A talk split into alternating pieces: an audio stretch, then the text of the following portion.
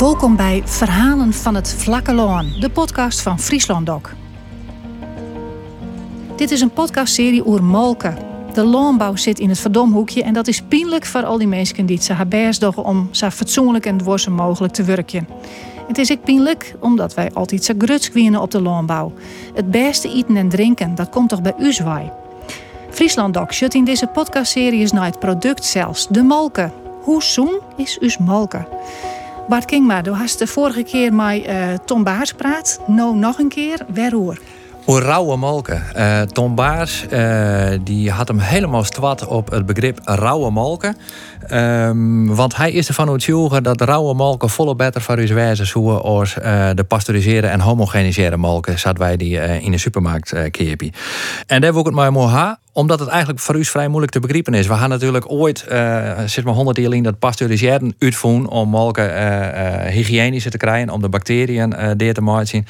En dat weer een stap vooruit in, in de ontwikkeling. Daarmee kon je ziektes eruit halen en het gevaar op ziektes uh, Dus we hadden het alle keer onnaam als, als, nou, dat, dat is de vooruitgang. Dus het is heel raar eigenlijk om te denken van, nou, misschien maar waarom naar rauwe molken. Toch zei Tom dat dat kan en dat het eigenlijk volop beter voor u wijze zo.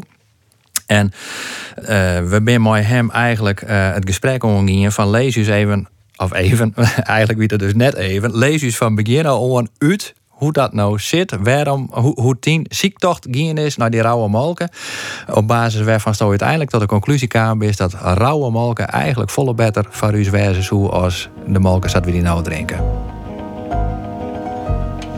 Tombaas, het is best heel ingewikkeld om dat hele verhaal van bacteriën en fermenteren uh, te begrijpen. Ik denk dat het goed is om, om te proberen dit verhaal in te gaan eigenlijk via jouw eigen ontdekkingstocht. Je bent gepassioneerd je leven lang met melk bezig. Je werkt bij het Louis Bolk Instituut, wat misschien wel bijna de mooiste plek is om te werken als, uh, als, als je passie hebt voor melk. Ergens is er een lichtje aangegaan bij jou. We moeten het dus over rauwe melk hebben. Uh, ja. Uh, ik heb 25 jaar heb ik op het Bolk Instituut gewerkt. Hè, dus onderzoeksinstituut voor de biologische landbouw. Met passie, met heel veel lol. Ik ben toen hoogleraar geworden aan de Universiteit van Kassel. Voor de biologisch dynamische landbouw. En op mijn... Ik wist dat ik in de dierlijke productie iets wilde doen. Want ik kwam uit de dierlijke productie, grasland, dierlijke productie. Maar ik zat een beetje te zoeken van waar zijn nou de thema's voor die boeren ook in Duitsland van belang. En een van de dingen waar uh, die boeren het over hadden is van... kun jij niet iets doen aan melkkwaliteit, want onze melk is anders. Kun je daar niet eens naar kijken? Nou, dus dat was een interessante vraag. Ik had in, in Nederland ook al wat aan melkkwaliteit gedaan... met verschillende onderzoeksmethodes. Dus dat sprak mij wel aan. En tegelijkertijd was, leefden we toen in een, in een tijd... Uh, ik praat over 2005, 2006 toen kwamen er net allemaal publicaties omhoog dat uh, astma, allergieën, hooikoorts, dat dat veel geringer was bij kinderen die op de boerderij leefden. Maar niet alleen bij kinderen op de boerderij, maar ook bij kinderen uit het dorp die rauwe melk dronken. Dus, in Nederland gebeurt dat toch bijna niet meer dat kinderen of mensen rauwe melk drinken. Was, is dat in Duitsland een andere situatie dan bij ons? Uh, het is overal aan het afnemen. Ik bedoel, uh, er, is gewoon, uh, er zijn steeds minder uh, mensen en steeds minder landen waar mensen nog durven rauwe melk te, te drinken. Gelukkig kom je ook het omgekeerde tegen. Engeland heeft net de rauwe melkmarkt geliberaliseerd. En daar zijn 60, 70 boeren zijn daar nu weer volop rauwe melk aan het produceren en het leveren. Maar door de bank genomen zie je eigenlijk dat ja, uh, mensen zijn bang voor rauwe melk. Hè? Dus rauwe melk wordt als, als gevaarlijk gezien. Maar toch kwam er uit het onderzoek in, in uh, Duitsland en Zwitserland met name, ook Engeland, kwamen de eerste geluiden dat rauwe melk ook beschermend kon werken tegen astma en allergieën. Uh, het is ons toen gelukt om samen te werken met een, uh, een allergiespecialist. En die allergiespecialist die had interesse in voeding. Die testte multiple allergische kinderen en die multiple allergische kinderen moet je je dus voorstellen, dit zijn kinderen van maar anderhalf jaar, maar die hebben al allerlei vormen van allergie, waaronder melkallergie. En uh, om zeker te weten als arts dat een kind niet jou voor de gek houdt, moet je zo'n kind altijd het spul laten drinken. En hij testte altijd havermelk ten opzichte van melk uit de winkel.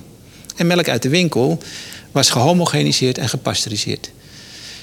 We hebben die man kunnen interesseren voor de rauwe melk. Hij, had gezegd, hij zei van ik heb daar nog nooit aan gedacht dat het misschien wel daaraan kon liggen. In Duitsland hebben we het systeem uh, dat je een legale rauwe melk hebt. Die bestaat al vanaf 1930. Dat is in de wet vastgelegd. Die dat melk wordt voortzoeksmilch. Dat is de voortzoeksmilch. Ja. Die melk die wordt sterk gecontroleerd. Die boeren die leveren een, zo veilig mogelijk een heel veilige melk. Dat hebben we ook gecheckt en gecontroleerd. En toen zijn we met die melk uh, zijn we die kinderen gaan testen.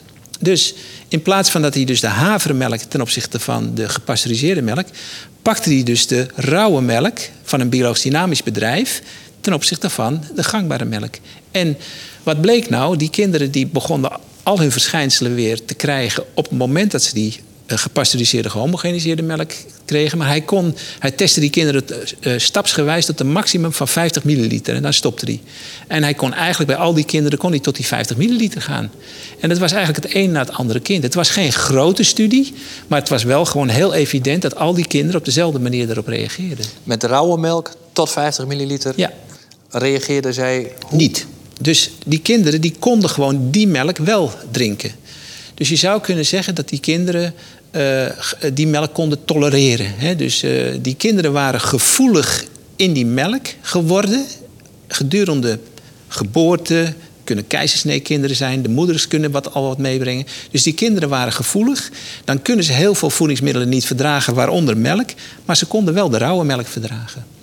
Dus dat was eigenlijk een, het begin. Nou, toen wilden we natuurlijk ook wel weten van, ja, waar ligt dat nou aan? Dus toen hebben we ook gewoon uh, een aantal studies gedaan op bedrijven. We wilden verschillende rauwe melken onderzoeken. Want we wisten toen de tijd helemaal nog niet zo goed waar lag het nou precies aan. En je moet je dus voorstellen dat wij hebben de meest extreme rauwe melk genomen. Dus het was van een biologisch dynamisch bedrijf waar de koeien buiten liepen, koeien met horens, uh, weinig krachtvoer. Dus dat was eigenlijk een melk waarvan wij zeggen van ja, dat, is, dat lijkt een beetje nog op traditionele melk. Als die melk nou niet werkt, hoeven we ook al die andere tussenliggende melken niet meer te testen. Nou, die melk werkte, maar we waren natuurlijk wel ook nieuwsgierig van ja, heeft het nou met die specifieke melk wat te maken? Er waren ook andere geluiden dat melkvet en de vetzuren van belang waren. Dus we hebben allerlei aanvullend onderzoek gedaan om, om er gewoon ook achter te komen uh, wat er aan de hand was. Dat is het verhaal van mij in Duitsland. Uh, ik kwam op een congres uh, in 2015 kwam ik Johan Garsen tegen. Johan Garsen die leidt de afdeling immunofarmacologie op de Universiteit Utrecht. Afdeling met 100 mensen die daar werken. En Johan die vertelde dat hij dus met diermodellen werkte. Dus die kon in diermodellen simuleren wat wij in kinderen potentieel zouden zien. En zij deden allerlei onderzoek voor de voedingsindustrie, voor de babyvoedingindustrie. Dus allerlei veranderingen. Elke verandering in de babyvoedingssamenstelling moet getest worden in een diermodel. Dat schrijft de wet voor. Dus toen heb ik tegen Johan gezegd: kun je nou niet eens een keertje mijn rauwe melk in jouw muisjes testen? Nou, toen was het natuurlijk even wat koehandel. En toen uh, hebben we besloten dat ik ging nog eens een keertje die melk ophalen. Niet meer van diezelfde datum, maar van hetzelfde bedrijf. Hetzelfde controlemelk. En ik heb dat naar Utrecht gereden. En zij hebben daar toen uh, het eerste onderzoek mee gedaan met muisjes. Nou, dat duurt ongeveer een week of vijf, zes. En toen kwam het enthousiaste uh, geluid terug vanuit de Universiteit Utrecht. De muisjes hebben niet op de rauwe melk gereageerd. Dus toen hadden we eigenlijk een connectie tussen datgene wat we in kinderen zagen, konden we ook in dieren reproduceren. Nou, toen is het heel snel gegaan. Toen heeft de Universiteit Utrecht een uh, geld georganiseerd. En daar is in december 2019 is Suzanne Abbring is daarop gepromoveerd. Hè. Dus Suzanne Abbring heeft allerlei aspecten van de rauwe melk in de immunologie heeft ze eigenlijk onderzocht in de afgelopen vier, vijf jaar. En dat is zeg maar de, hetgene wat er in Utrecht op dit moment uh, nou, uh, leuk onderzoek is, om het maar zo te zeggen. En leg mij dan eens in één of twee zinnen uit wat we nu dan weten. Wat heeft zij, wat hebben ja. jullie ontdekt? Uh, ik zei al van, uh, uh, het is een enorme sprong als je van gehomogeniseerde, gepasteuriseerde gangbare melk naar biologisch dynamische melk gaat die nou ja, van een low-input bedrijf, om het maar zo te zeggen. Low-input betekent alleen gras? Alleen gras en bijna geen krachtvoer en nog een regionaal koeienras en allemaal van dat soort dingen. Hè. Dus, dus dat is een ander verhaal als de hoogmoderne, hoogproductieve Holstein-koe, om het maar zo te zeggen. We wisten niet precies waar het aan kon liggen. En uh, uit de literatuur was bekend dat ook het melkvet uh, van belang was. Het was bekend dat uh, de vetzuursamenstelling van be belang was. Er kwamen inmiddels al allerlei meer publicaties daaromtrent. En toen hebben we in Utrecht, of Suzanne heeft daar in Utrecht allerlei ja, onderzoek uitgevoerd om te kijken van waar ligt het nou aan. We zagen al heel snel dat op het moment dat wij de melk gingen verhitten, dat, dat allergie optrad bij die muizen. Dat die muizen daar dat, dat niet konden, die waren, werden gevoelig en die konden dat niet tolereren. Dat was één ding.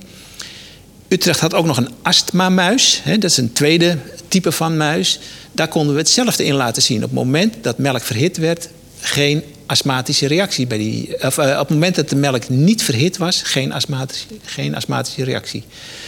Toen zijn we gegaan naar uh, de ondermelk. Hè. Dus ondermelk is de melk waar al het vet uitgehaald is. Want we wilden weten met welke fractie in de melk heeft dat nou te maken. Toen bleek dat als je de ondermelk in hetzelfde onderzoek laat lopen, of het nou rauw of verhit is, je ziet precies dezelfde verschillen. Dus rauwe ondermelk laat het zien.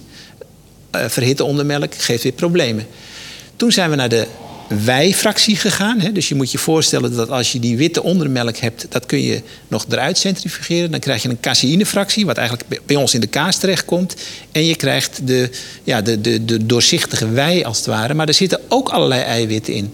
Hetzelfde gedaan, die uh, wij-fractie verhit en niet verhit gegeven, zelfde reactie. Dus we wisten op een goed moment van als we, dat, als we de melk terug gaan brengen, dan houden we die verschijnselen ook als we alleen nog maar met die wei-eiwitten iets aan het uh, doen zijn. Dus dat was een heel belangrijk gegeven, dat, het vooral, dat we het in die richting uh, moesten gaan zoeken. Nou, er zijn nog allerlei gedetailleerde onderzoeken naar gedaan. Samen met de Wageningse Universiteit hebben we op een goed moment allemaal kleine stapjes in de verhitting gedaan. Dus we zijn die melk gaan verhitten op 50 graden, 55 graden, 60, 65, 70. Om maar te snappen en te zien waar gaat nou iets in schuiven. Nou, in het tegenwoordige onderzoek kun je voor de, voor de leek die zegt van melk bestaat uit eiwit en vet. Maar voor een onderzoeker die zegt ja, in dat melkeiwit daar zitten heel veel verschillende soorten eiwitten in reguleringseiwitten, eiwitten die uh, voedingseiwitten zijn. Uh, die eiwitten worden afgebroken, daar komen allemaal peptiden uit. Dus dat heeft allemaal functie, om het maar zo te zeggen. Nou, toen wij die verhittingen door gingen voeren, en dat is in Wageningen gebeurd, toen bleek ook dat rondom die 60 plus graden zagen we de eerste verschuivingen, met name weer in de wei-eiwitten optreden. Dus we zien eigenlijk dat in die wei-eiwitfractie, daar zitten allerlei immuunregulerende eiwitten zitten daarin. Die zijn daar, of die daar de oorzaak van zijn, maar we zien ze gewoon verschuiven. Nou, en het is gewoon nu nog steeds het zoeken. Waar ligt het nou precies aan dat het uiteindelijk zeg maar, tot een allergische reactie uh, dan komt? Maar we zoeken het in die eiwitfractie. Als ik het als, als leek moet proberen samen te vatten, dan zeg ik met pasteuriseren vernielen wij de goede eigenschappen die in het eiwit, uh, of sorry, in de wei van de melk zitten? Uh, eigenlijk wel. De verhitting maakt het uit. Dus op het moment dat je met verhitte ondermelk, met verhitte wei zit, dan zie je eigenlijk dat de problemen er eigenlijk al zijn. Om het maar simpel te Weten we wat er dan gebeurt? Wat wordt er dan kapot gemaakt bij dat pasteuriseren? Uh, nou, er is een, een, een een bekend wei-eiwit, dat heet het beta-lactoglobuline. Dat zit in koemelk, maar dat zit niet in humane melk. En dat beta-lactoglobuline moet je je voorstellen, dat is een complex driedimensionaal eiwit. En dat eiwit dat gaat zijn structuur verliezen, dat gaat veranderen van structuur. Daar gaan dingen van binnen naar buiten keren. En we zien eigenlijk hele mooie correlaties met het denaturatieproces, onder andere van het beta-lactoglobuline en de toename van allergie wat we kunnen meten. Dus dat is een verdacht eiwit. Vooral omdat het wel in koemelk zit en in geitenmelk, et cetera, maar niet in humane melk. Dus dat was al lang bekend dat die beta-lactoglobuline, maar ook een aantal andere wei-eiwitten daarvan belang zijn. Met het onderzoek wat ik net zei, wat Wageningen heeft uitgezocht, daar stoten we op nog een veel grotere reeks aan allerlei eiwitten die iets te maken hebben met immuniteit, met regulatieprocessen in het lichaam. Dus daar zitten gewoon veranderingen die, die ja, fysiologisch toch anders uitpakken als dat we dat, we, dat, we, dat, we, hè, dat, we dat gedacht hadden.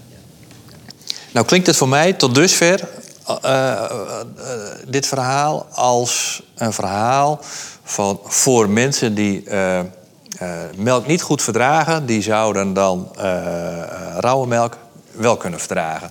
Maar jullie gaan nog een stap verder. Jullie zeggen van rauwe melk is eigenlijk heel gezond, heel goed.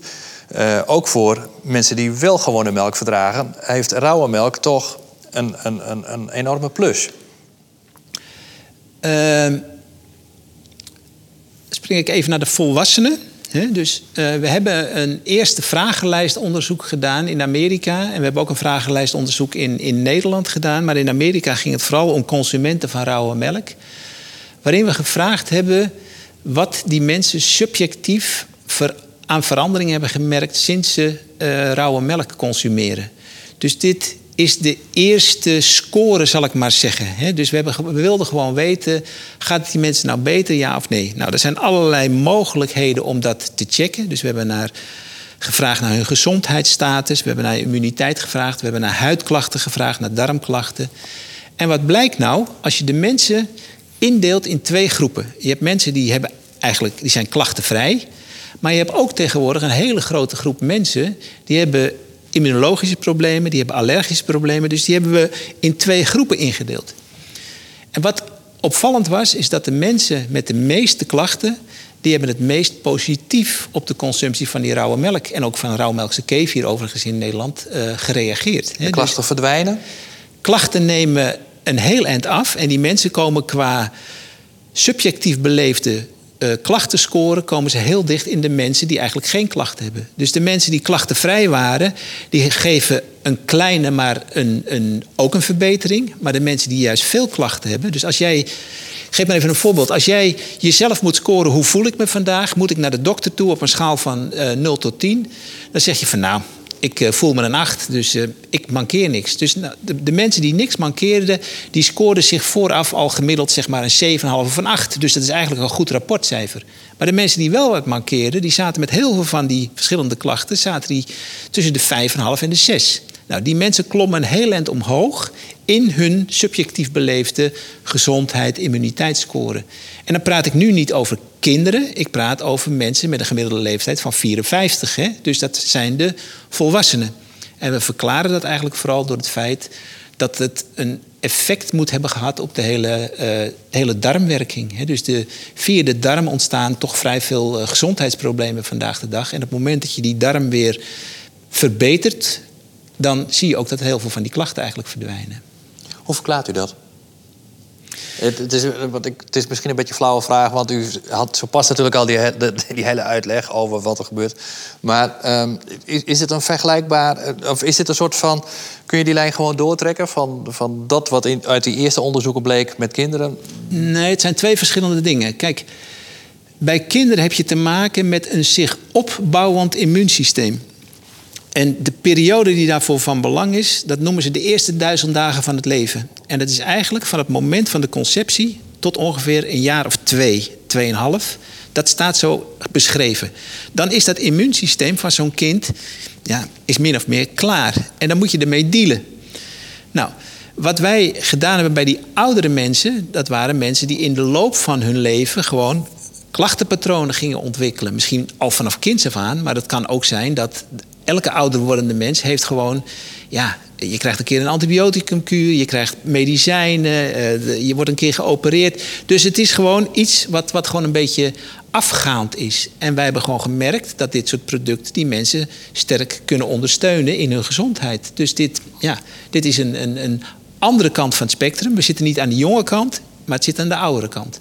Wat ook interessant is, is de waarneming van heel veel mensen dat ze moeten dit bijna. Ze moeten dit in hun voedingspatroon opnemen. Dus uh, ik heb al zo vaak gehoord, ook van een collega op de Universiteit Utrecht, mensen die ook van dit soort producten als kefir gebruiken. Op het moment dat zij op vakantie gaan, dan heb je drie weken geen toegang tot zo'n product. En dan komen de huidklachten weer terug, dan komen de slaapproblemen weer terug, dan gaat de buik weer pijn doen.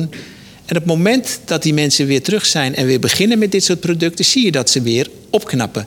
Dus dit is iets waar die mensen misschien niet helemaal van kunnen herstellen. Maar het is wel een heel belangrijk hulpmiddel om die mensen zeg maar, op een hoger gezondheidsniveau te brengen. Maar leg mij eens in gewone mensentaal uit. Wat zit er dan in die rauwe melk waardoor dat gebeurt?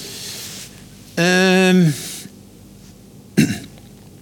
ik denk dat het voor een deel ermee te maken heeft hoe melk wordt verteerd. Dus rauwe melk wordt anders verteerd dan gepasteuriseerde melk. Dus uh, wat er in de maag gebeurt en hoe dat in de dunne darm terechtkomt, is anders. Um, hoe het precies loopt, we weten het niet helemaal. We weten soms nog meer van de gefermenteerde producten, omdat je daar gewoon uh, gemeten heel veel, wat, wat, we noemen allemaal bioactieve eiwitten en bioactieve peptiden. En dan moet je dus voorstellen, daar komen in die afbraak komen allemaal dingen vrij die uh, ja, aan de slijmhuid van de darm opbouwend gaan werken. Die ervoor zorgen dat de darm weer een, dicht, een dichte buis wordt. Heel veel mensen uh, hebben te, te, kampen met het begrip: ik heb een lekkende darm. Nou, een lekkende darm betekent eigenlijk niet veel meer dat de darm niet zodanig gesloten is. Of bij mensen met een lekkende darm is de darm eigenlijk niet zodanig gesloten dat de vertering in de darm plaatsvindt. Maar er gaan dan veel te grote moleculen eigenlijk, die komen in de bloedbaan terecht. En dat ga je dan merken als problemen als uh, ziekte, en gezond, of, uh, ziekte of gezondheid. En ik denk dat er, maar dat is een beetje mijn hypothese, ik ben ook geen arts. Ik denk dat die mensen eigenlijk een betere darmfunctionering krijgen. En hoe dat precies werkt, welke stoffen daarbij zitten en waarom dat verschillend is tussen gepasteuriseerde en rauwe melk, dat weten we niet precies. Maar we zien gewoon in de literatuur dat mensen reageren, uh, verschillend uh, klachtenpatroon krijgen als je het over gefermenteerde producten hebt of over niet gefermenteerde producten. Ik denk dan meteen, dat zal toch ook te maken hebben met, met bacteriën. Want ik heb op school altijd geleerd, pasteuriseren doodt bacteriën. Ja. ja, klopt. En bacteriën zitten toch in je darmen? Klopt, maar het is niet zo dat al die bacteriën ook in je darm terechtkomen. Dus je moet je voorstellen dat er in onze maag, eh, daar heb je een pH van geloof ik 3, of, of het is een heel erg zuur milieu. Daar komt niet zo heel veel uh, doorheen. Je hebt een aantal bacteriën, wat men dan als probiotische bacteriën aanduidt. Die kunnen wel in de darm een werking doen. Daar, zijn, daar zijn producten uit ontwikkeld. Dus uh, misschien zitten ze in die gefermenteerde producten. We weten dat niet precies. He, die gefermenteerde melkproducten als kefir en yoghurt. Yoghurt wordt overigens door de, door de uh, FAO wordt het als een. Uh, is het FAO? Geloof het? Nee, de, de WHO, WHO. Wordt het als een.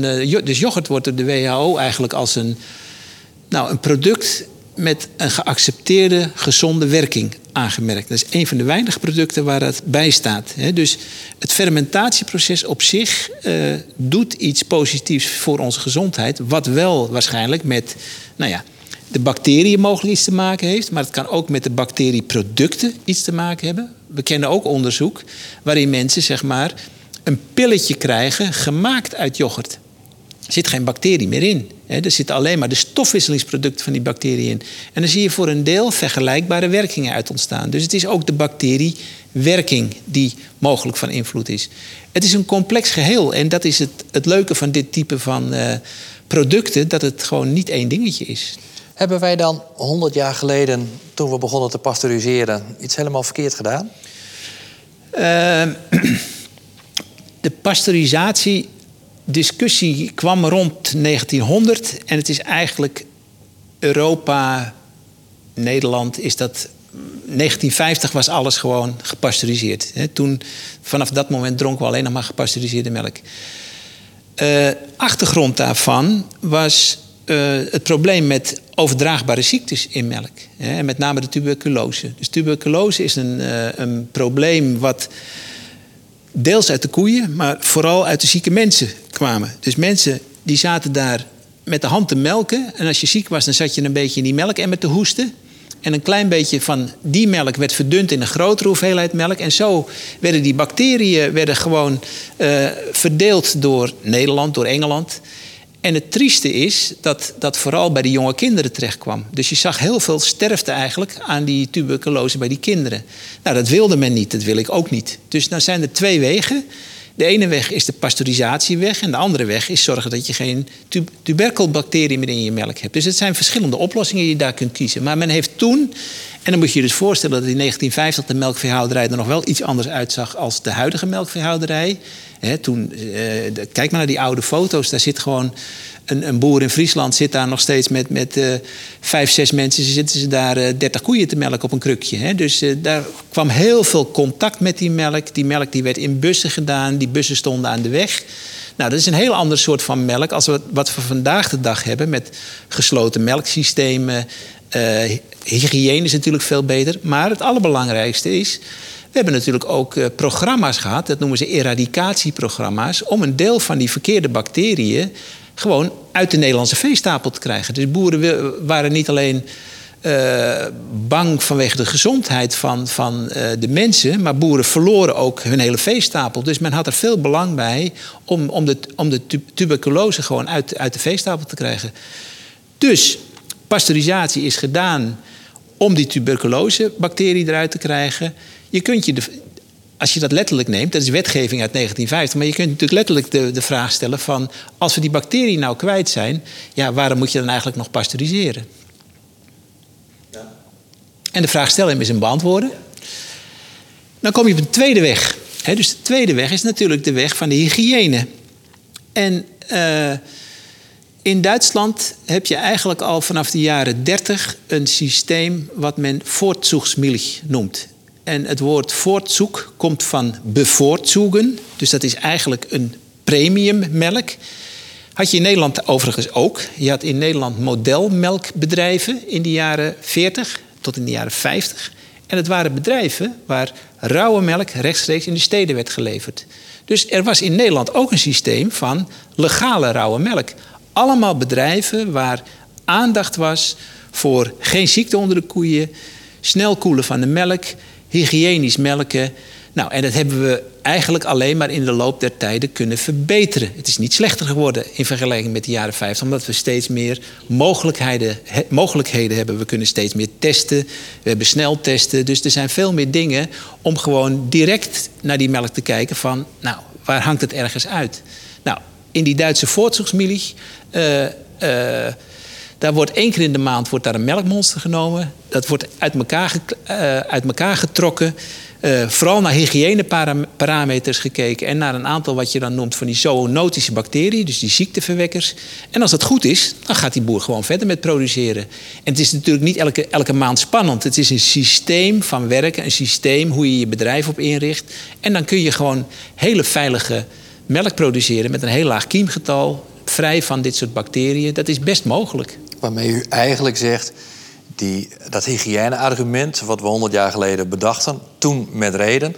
Dat geldt niet meer zo, daar kunnen we wel zonder. Want we werken nu zo hygiënisch. We zouden prima weer rauwe melk kunnen drinken. De praktijk bewijst het naar mijn gevoel. Hè? Dus ik kijk naar de Duitse landbouw. Ik kijk naar de Amerikaanse situatie... waarin je heel verschillende staten hebt. Maar er zijn gewoon daar staten die de rauwe melk ook gelegaliseerd hebben.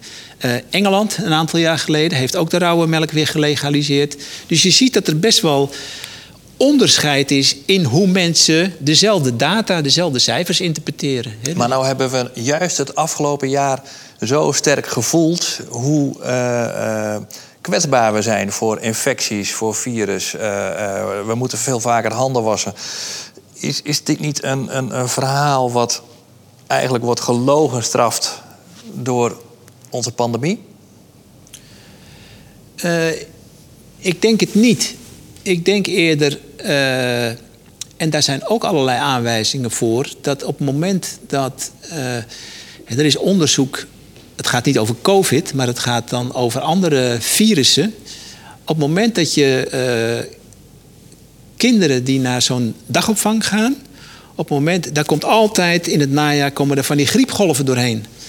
En ze hebben daar wel eens proeven gedaan met allem, om die kinderen dus gewoon de helft krijgt dan gefermenteerde producten en de andere helft krijgt dat niet. En als je dan ziet hoeveel ziektedagen er onder die kinderen zit, onder die ouders zit. Uh, dus er is iets in onze voeding waarbij we ook, zeg maar, aan de, hoe zeg je dat nou, aan, aan, aan, het systeem kunt werken dat dingen niet ontstaan. Dus uh, ik zoek naar het Duitse begrip, voorkomen. Hè? Dus we kunnen natuurlijk ook met levensstijl en voeding, kunnen we wel degelijk in een bepaalde richting, kunnen we onze gezondheid ondersteunen. En ik denk dat rauwe melk en rauw gefermenteerde producten... dat die best wel eens in die categorie kunnen thuis horen... van het ondersteunen van een, een, een goede gezondheid. Mag je daarmee rauwe melk in uw ogen een gezond product... of een gezondheidsbevorderend product noemen? Ja, dat is heel uh, link, omdat... Uh, uh, het is heel moeilijk om een gezondheidsclaim aan een product te, te hangen. Ehm, en dat heeft ermee te maken als je naar de hele groep van onderzoekers kijkt die uh, uh, met rauwe melk in de afgelopen twintig jaar zijn bezig geweest, dan zie je dat al die onderzoekers in hun publicaties schrijven: we hebben weer laten zien dat kinderen die rauwe, met rauwe melk zijn opgegroeid, dat die eigenlijk beter beschermd zijn tegen astma en allergie en hooikoorts. Hè. Met name die drie ziektes worden daarna gekeken. Maar, en dan komt de waarschuwing, we kunnen desondanks niet adviseren om uh, dat, die, dat iedereen rauwe melk gaat drinken, want rauwe melk is niet veilig. Hè? Zo wordt het altijd uh, neergezet. En dat heeft ermee te maken dat heel veel van dat onderzoek dat wordt door artsen gedaan. En ik heb wel met die artsen ook gediscussieerd. En dan zie je gewoon in de discussie dat die arts die gaat voor één patiënt staan. Die zegt tegen mij: Kom jij maar eens in mijn ziekenhuis kijken als ik hier een kind heb liggen die aan de nierdialyse ligt vanwege een EHEC-probleem. Dat willen wij niet. Dat is hetzelfde nu met de coronapandemie. We willen dat niet. En dan ga je dus eigenlijk, val je weer terug op het systeem van ja, die ene patiënt. En we weten hoe we het eruit moeten krijgen. Maar is dat niet een terechte angst? Eh, is die ene patiënt niet uh, uh, het risico wat we nemen als we rauwe melk drinken? je kunt je beleid niet op één patiënt maken. dat, is, dat is gewoon. Uh, dat, dat, dat, dat, daar kun je nee, niet... maar, maar die, die arts die gebruikt dat voorbeeld, die gebruikt die ene patiënt... Ja. om te zeggen van, zie je wel, het is niet 100% veilig. Ja. Mijn tegenargumenten zijn van... ik praat niet over algemene rauwe melk. Ik praat over gecontroleerde rauwe melk. Voortzoegsmilch. Je moet wel wat doen. Hè? Al die landen waar nu met rauwe melk aan de gang wordt gegaan, daar wordt ook wel wat gedaan. Die mensen die zijn wel degelijk getraind, die worden gecontroleerd. Daar zitten strenge normen op. Dus het is niet zo dat ik tegen iedereen roep van... ga nou maar naar de eerste beste boer en, en, en koop dan maar rauwe melk. Dat risico zou ik voor mezelf al niet eens willen nemen. Ik denk dat, dus dat, dat, daar wil ik gewoon niet aan. En dat zou ik ook met kinderen niet adviseren. Dus dat moet je niet doen. Dus dat is een gevaar. Maar ik vind het eigenlijk raar dat het niet mogelijk is om aan veiligheid van producten te werken en dat dan aan te bieden. Ik bedoel, kijk naar uh, hoeveel problemen er zijn met salmonella met kip. En, en hoe plotseling uh, hebben we weer een bejaardentehuis waar allerlei dingen zijn misgegaan. Uh, bij eten hoort een bepaald soort risico. En de volwassen manier met risico's omgaan is om de risico's te minimeren. Niet om een product uit te bannen. En wat er met rauwe melk gebeurt, is dat het product uitgeband wordt. En ik vind dat we daar vanaf moeten. We, kunnen, we hebben genoeg dingen in handen, naar mijn gevoel, om uh, de veiligheid op een zodanig niveau te gaan brengen. dat de voordelen van de rauwe melk de nadelen van ziektes gaan overvleugelen. In Duitsland. Uh, toen in Duitsland bekend was dat bij die kleine kinderen, anderhalf jaar, zieke kinderen, dat we die gingen testen met rauwe melk, ja, dan krijg je niet altijd de handen voor op elkaar. Dus er waren ook mensen die mij echt voor gek hebben verklaard. Hè. Het ging om een deel om de risico-inschatting.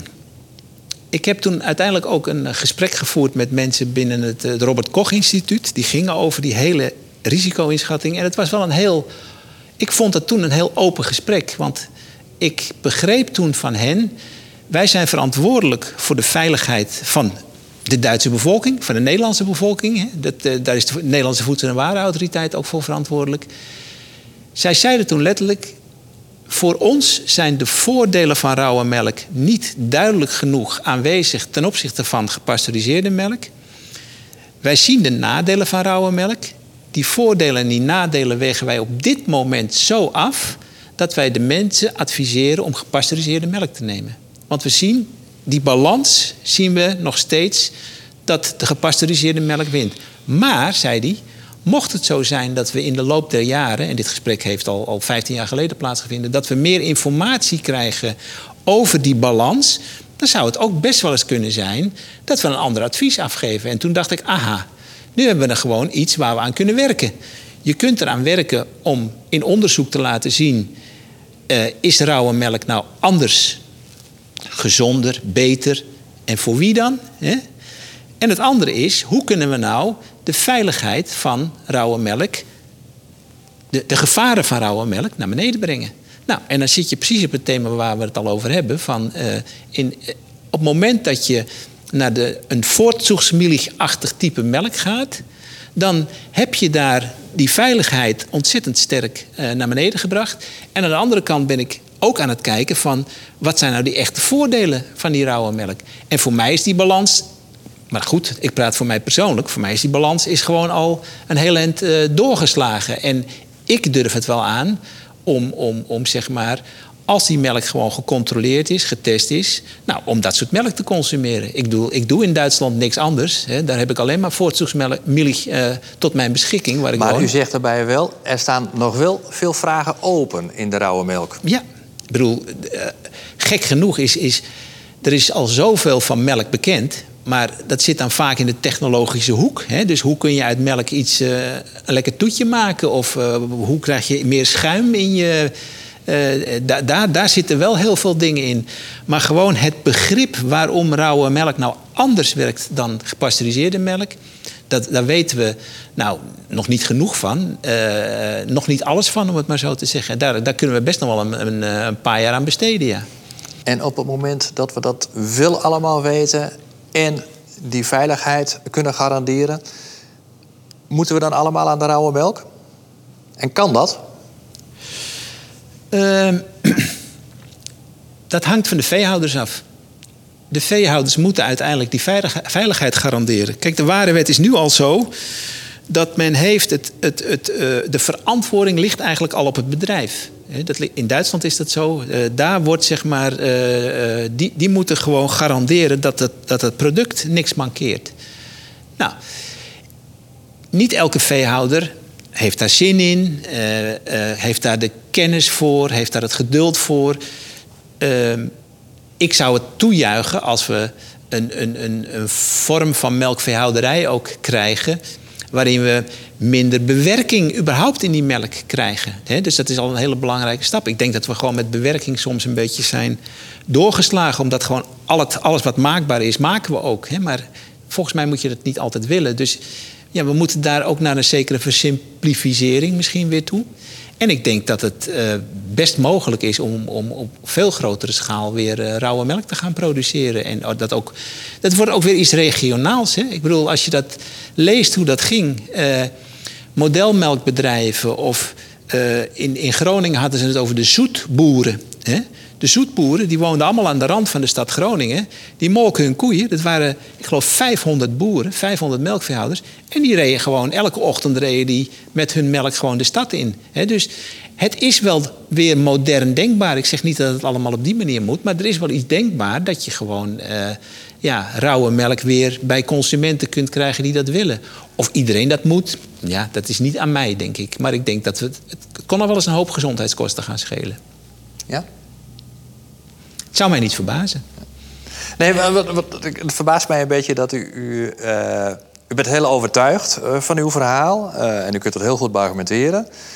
Um, en u geeft ook echt een heel hoopvol verhaal. Van nou, dit zou voor heel veel mensen best wel eens een heel goed product ja. kunnen zijn. Dan moet je toch nu met, met banieren en toeters naar Den Haag of naar Leeuwarden, naar, of naar waar staat het, het hoofdkantoor van Friesland Campina. en zeggen van jongens, dit moet anders. Um... Wat u zegt impliciet ook met het pasteuriseren en al die bewerkingen halen we zoveel kwaliteit uit die melk en uit die zuivel dat het consumeren van uh, zuivel zoals wij dat doen eigenlijk niet zoveel zin heeft. Nou, dat is niet waar. Kijk, ik zal niet zo gauw zeggen dat uh, zuivel niet gezondmakend is. Als je naar de, de grotere studies kijkt van zuivelconsumerende landen, dan is het echt niet zo dat die mensen daar allemaal ziek van worden. Dat is niet zo. Wil niet zeggen dat het niet beter kan. En dat geloof ik wel. Hè. Dus ik geloof wel dat we daar uh, uh, nog een winstsituatie uh, te halen hebben. Zeker in een verschuivend spectrum van steeds meer problemen met immuunziektes, auto-immuunziektes. Het zou mij niet verbazen dat we daar darmproblemen, dat we daar nog wel eens het een en ander kunnen, kunnen winnen met rauwe melk en rauw gefermenteerde producten. Dus ik geloof wel dat, dat we die kant op moeten.